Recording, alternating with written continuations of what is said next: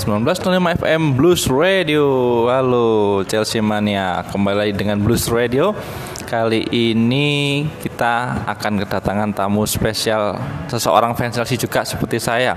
Tapi sebelum berkenalan dengan beliau Mungkin kita harus tetap ingat ini di masa pandemi kita harus tetap menjaga protokol kesehatan di mana pun kita berada ya Chelsea Mania. Jangan lupa itu mau di kantor mau di jalan tetap memakai masker ya dan menjaga jarak ketika berkerumun dengan orang dan tidak lupa kita harus mencuci tangan. Oke Chelsea Mania kita akan ulas sedikit tentang pertandingan Liverpool dan Chelsea. Dan saat itu Chelsea melawat ke Anfield Stadium. Akhir pertandingan dengan skor 0-1 dicetak oleh Mason Mount di babak pertama. Ada yang unik nih dari pertandingan tersebut. Saya lihat sih Andreas Christensen dan Mason Mount tetap dipercaya oleh Thomas Tuchel. Mungkin nanti kita akan berbincang dengan tamu kita tentang dua pemain tersebut dan bagaimana perasaan kalian untuk kemenangan-kemenangan saya kira puas ya karena tidak mudah juga mencari poin penuh di kandang Liverpool. Oke, tidak akan membuang waktu yang lama. Saya akan berkenalan dengan beliau. Mungkin kita akan sabar dulu berbincang dengan tamu kita, berkenalan. Dengar-dengar sih dia juga ikut sebuah komunitas Chelsea Surabaya loh Chelsea Mania. Pengen tahu siapa beliau? Oke, kita kenalan. Dengan siapa Mas? Dengan Hendra. Mas Hendra. Mas Hendra ini kegiatannya sehari-hari apa ya? Uh, karyawan swasta mas. Karyawan swasta. Di bidang apa Mas Hendra? Bidang jasa. Di bidang jasa. Dengar-dengar nih, Mas Hendra ikut komunitas ya Chelsea di Surabaya. Namanya apa Mas Hendra ya? Oke, okay. uh, eh, aku tergabung di Blues Troop Surabaya. Blues Troop Surabaya. Blues Troop Surabaya sendiri berdiri sejak kapan Mas Hendra? Mungkin Mas Hendra tahu atau sedikit menceritakan tentang komunitas ini. Blues Troop Surabaya sendiri tergabung sejak 2016 tepatnya 1 Mei 2016 e, kalau saya sendiri bergabungnya di tahun yang sama sih cuman aku agak lupa bulannya. Yang jelas awal berdirinya dulu itu berasal dari sebuah komunitas internal di Surabaya. Belum termasuk jadi Blues Troop sih masih kalau nggak salah itu namanya Chelsea Fans Club di Surabaya dan setelah itu uh, kemarin ada uh, waktu itu ada undangan untuk jadi salah satu member Blues Troop uh, Trubu Indonesia di Indonesia. Terus terbentuklah jadi Blues Troop Surabaya. Baik, terima kasih Mas Hendra. Untuk kegiatan Blues Troop Surabaya sendiri Mas Hendra, mungkin bisa Mas Hendra jelasin. Dan juga mungkin ada apa ya uh, penghargaan atau pencapaian-pencapaian tertentu dari Blues Troop Surabaya. Monggo diceritakan sedikit Mas Hendra. Untuk Troop Surabaya sendiri uh, sama seperti fans club lainnya ya Mas, kita uh, ada komunitas uh, untuk nobar, ada juga untuk futsal, kadang juga ada kopdar dan uh, acara kegiatan amal lainnya. Cuman di masa pandemi ini kita tahu lah ya segala macam pergerakan dan aktivitas keramaian agak dibatasi sama pemerintah. Jadi untuk sementara ini mungkin yang masih jalan sih sekedar nobar aja itu pun nggak rutin hanya di jam-jam tertentu dan momen-momen tertentu aja. Terus untuk uh, penghargaan sendiri uh, di tahun ini alhamdulillahnya Blues Troop Surabaya sudah terbentuk OSC yaitu fans club yang diakui langsung direct langsung dari London jadi kita nggak terafiliasi lagi kita sudah member resmi yang tercatat di Chelsea London Terima kasih Mas Hendra penjelasannya. Untuk jumlah member sendiri Mas Hendra sampai saat ini berjumlah berapa orang ya? Kalau aku lihat dari info dari pengurus bus sendiri sih kurang lebih sekitar 40 sampai 50 orang ya Mas ya. Cuman untuk pastinya berapa orang karena uh, di masa pandemi ini kita masih belum bisa mengum apa kumpul lengkap ya full tim. Cuman kalau dari daftar membernya sendiri sekitar 40 sampai 50-an sekarang.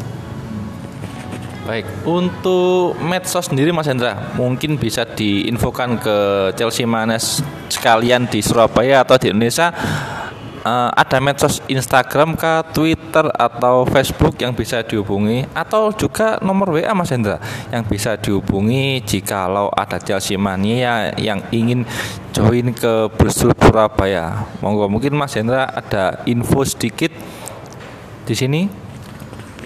Oke, kalau untuk medsos sendiri di Blues Surabaya kita ada Instagram, uh, bisa di searching di Instagramnya @bluestroop underscore sby. Untuk kontak personnya kita ada kontak person uh, di Blues sendiri atas nama Karim ya di 0857 9156 3060. Di situ juga ada link untuk join bareng dengan grup WhatsAppnya Blues Troop Surabaya nanti bisa diklik aja di link yang ada di Instagram kita. Oh, terima kasih Mas Dra untuk bincang-bincang tentang komunitas Chelsea di Surabaya, Blues Troop Surabaya dan bagi Chelsea mania yang join bisa follow Instagram yang disampaikan Mas Dra tadi atau chat langsung ke WA yang diinfo tadi juga. Oke, kita akan beranjak ke segmen selanjutnya. Mungkin saya akan tanya-tanya personal tentang Mas Hendra nih. Mas Hendra sejak kapan nih suka Chelsea atau jadi fan Chelsea? Uh, untuk saya sendiri sebenarnya uh, saya pecinta sepak bola ya, jadi nggak nggak hanya untuk Chelsea waktu itu. Cuman awal muasal saya seneng sama Chelsea itu di 2003 waktu itu memang zaman-zaman awal kemunculannya Mourinho megang Chelsea uh, yang bikin saya terkesan itu waktu itu pas waktu pertandingan debutnya Arjen Robben. Jadi uh, duet Arjen Robben sama Damon Duff itu yang pertama kali uh, buat saya uh, nonton Chelsea dan akhirnya keterusan sampai sekarang. Untuk pelatih di era Abramovich ya mulai dari siapa? Namanya itu Mourinho atau Ranieri sampai sekarang. Mungkin pelatih favorit Mas Hendra siapa? Kok pemain banyak lah ya. Kalau pelatih dan kenapa Mas Hendra menyukai pelatih tersebut? Kalau secara segi permainan sih yang menurut saya masih enak ditonton sih zamannya Antonio Conte ya. Walaupun dia memang baru saat ini ya cuman uh, bukan bermaksud untuk mengenyapingkan Mourinho yang sukses di Chelsea cuman dari segi permainan uh, aku lebih suka eranya Antonio Conte. Antonio Conte Mas Hendra ya. Baik memang semua fans punya pendapat masing-masing dan punya idola masing-masing ya Chelsea mania ya Oke, setelah kita berbincang tentang komunitas dengan Mas Hendra, tentang kapan Mas Hendra jadi fan Chelsea dan siapa pelatih favoritnya, mungkin kita akan bahas sedikit lah kemarin. Saya tadi sudah di awal mengatakan bahwa Andreas Christensen dan Mason Mount dipercaya Thomas Tuchel. Bagi saya sangat mengherankan ya. Karena Christensen sendiri itu juga angin-anginan, kadang ceroboh juga. Mason Mount juga kadang labil, tapi setelah dipegang Thomas Tuchel, keduanya ini bersinar dan juga bermain secara rutin setiap pekannya untuk membela Chelsea. Mungkin tanggapan Mas Hendra sendiri tentang kedua pemain tersebut bagaimana? Monggo Mas Hendra. Kalau terkait Christensen dan Mason Moon ya, untuk Christensen sendiri uh, di era Thomas Tuchel menurutku uh, dia bakalan bersinar karena di gaya formasi taktik dari Tuchel sendiri kita membutuhkan seorang pemain yang berposisi ball playing defender Nah, dan sosok yang bisa bermain sebagai ball playing defender itu adalah Anders Christensen di kubu Chelsea. Kita ingat uh, di eranya Tuchel saat megang Dortmund, di sana ada Matt Hummel. Lah Matt Hummel sama Christensen ini tipe-tipenya hampir sama, seorang ball playing defender. Nah, sedangkan uh, duetnya saat ini kan uh, Christensen sama Rudiger uh, posisinya ber, uh, berbeda. Kalau Rudiger uh, lebih ke arah ke stopper, tapi kalau untuk yang Christensen adalah ball playing defender. Nah, untuk taktiknya Tuchel, seorang ball playing defender sangat dibutuhkan karena dari situlah arah aliran bola berjalan. Lah kalau untuk Mason Mount sendiri banyak yang bilang Mason Mount adalah anak emas dari Frank Lampard. Tapi kenapa kok sekarang uh, dipegang oleh Tuchel dia tetap berjaya karena menurut saya uh, Mason Mount ini masih uh, dalam proses untuk pengembangan potensi diri. Jadi dia bisa semakin berkembang kalau di bawah oleh pelatih yang memiliki karakter. Jadi uh, saya rasa di arahan Thomas Tuchel kali ini mungkin Mason Mount akan dikembangkan lagi potensinya dan bisa berkembang jadi lebih baik. Wah, pengetahuan Mas Hendra ini sungguh sangat baik sekali bisa meneliti satu satu orang pemain. Oke Mas Hendra, mungkin itu dulu bahasan kita. Kita akan banyak ke segmen selanjutnya Mas Hendra. Game selanjutnya adalah Everton versus Chelsea. Mungkin home-nya Chelsea FC ya hmm. di Stamford Bridge Mas Hendra.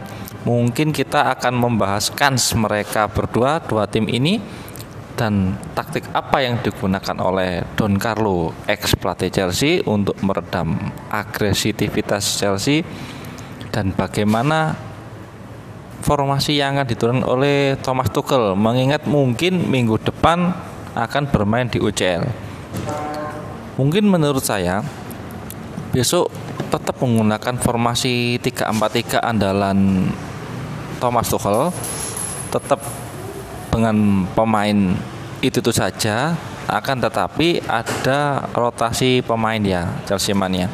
Dari segi striker mungkin Werner dimajukan jadi goal poacher atau goal getter. Dan dirotasikannya Jorginho atau Kovacic diganti dengan Kante mungkin yang tetap adalah kiper dari Chelsea sendiri Edward Mendy dan backnya tetap menggunakan tiga back Antonio Andreas Christensen dan kapten sendiri Aspilicueta. Mungkin untuk tanggapan Mas Jendra tentang taktik Thomas Tuchel melawan Everton besok seperti apa? Saya rasa untuk pertandingan besok lawan Everton formasinya tetap sama, cuman memang uh, Chelsea bakalan merotasi pemain karena di tengah pekan kemudian kan akan menghadapi Atletico di UCL ya. Nah, untuk uh, taktik sendiri menurutku sih kayak eh yang bakalan mas, uh, jadi starter itu tetap Christensen Rudiger di belakang uh, bersama dengan kapten andalan kita. Kalau yang di tengah Jorginho itu pasti. Kalau untuk yang lain-lain mungkin masih uh, dalam pemikiran Tuchel ya. Tapi kalau untuk di depan itu menurutku bakalannya yang akan dipasang adalah seorang Tami Abraham dan Mason Moon karena menurutku uh, saat ini adalah momen untuk mengembalikan kepercayaan diri dari seorang Tami Abraham. Jadi mungkin nanti lini depannya bakalan dirotasi dan Tami Abraham mungkin akan dikasih kesempatan untuk main dan Oliver Giroud maupun uh, Werner mungkin uh, diistirahatkan untuk UCL. Nah, ini mungkin adalah pertandingan yang seru karena kenapa? Don Carlo adalah ex Chelsea Mas Hendra ya. Mm. Beliau akan pulang ke rumah lagi dengan membawa tim yang berbeda dari Merseyside Everton yang mungkin musim ini saya rasa belum begitu bagus di tangannya kadang bagus kadang juga down jadi belum stabil menurut saya nih ya menurut pandangan seorang fans. Jadi mungkin besok permainan juga akan seru karena Everton juga ingin meraih poin di Stamford Bridge Mungkin ada catatan sendiri Mas Hendra tentang Don Carlo ini. Bagaimana beliau melatih Everton dan bagaimana beliau waktu melatih Chelsea dahulu. Mungkin ada sedikit catatan dari Mas Hendra tentang pelatih ex pelatih Chelsea dulu Don Carlo Don Carlo itu. Monggo Mas Hendra. Iya, uh, untuk Don Carlo sendiri Don Carlo adalah tipe-tipe pelatih brilian ya karena dia memegang tim mana aja pasti bakalan ber berprestasi. Mungkin itu salah satu uh, tujuan dari Everton untuk merekrutnya di Everton. Kalau untuk uh, pertandingan besok di klasemen sekarang Chelsea sama Everton posisinya uh, tipis. Chelsea di peringkat 4, Everton di peringkat 5 dengan jumlah selisih poin sekitar satu poin. Jadi pertandingan besok bakalan seru. Kalau menurutku sebagai seorang fans sih bak, uh, aku berharap sih pertandingan besok open play ya. Nggak ada direct play ataupun permainan yang membosankan. Karena dua-duanya memang membutuhkan poin untuk memperbaiki klasmen. Cuman secara head to head uh, Don Carlo Don Carlo dan Thomas Tuchel itu memiliki head to head yang cukup menarik karena dari enam pertemuan Don Carlo dan Thomas Tuchel semuanya berakhir dengan seimbang. Jadi Don Carlo menang dua kali, Thomas Tuchel menang dua kali, dan dua laga lainnya berakhir imbang. Jadi besok itu pertandingan ketujuh penentuan siapakah yang bakalan menang antara Don Carlo maupun Thomas Tuchel atau bahkan mungkin bisa jadi besok pertandingan seri yang ketiga di antara mereka berdua.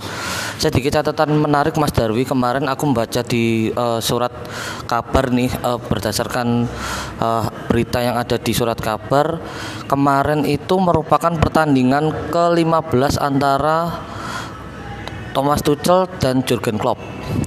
Dan secara head to head kemarin itu harusnya uh, Thomas Tuchel itu uh, secara rekor kalah dari Jurgen Klopp karena Thomas Tuchel meraih 9 kekalahan di pertemuannya dengan Jurgen Klopp.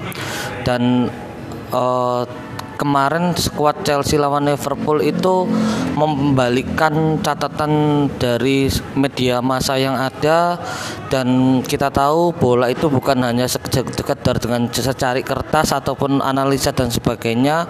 Bola itu bulat apa pun bisa terjadi dalam sepak bola.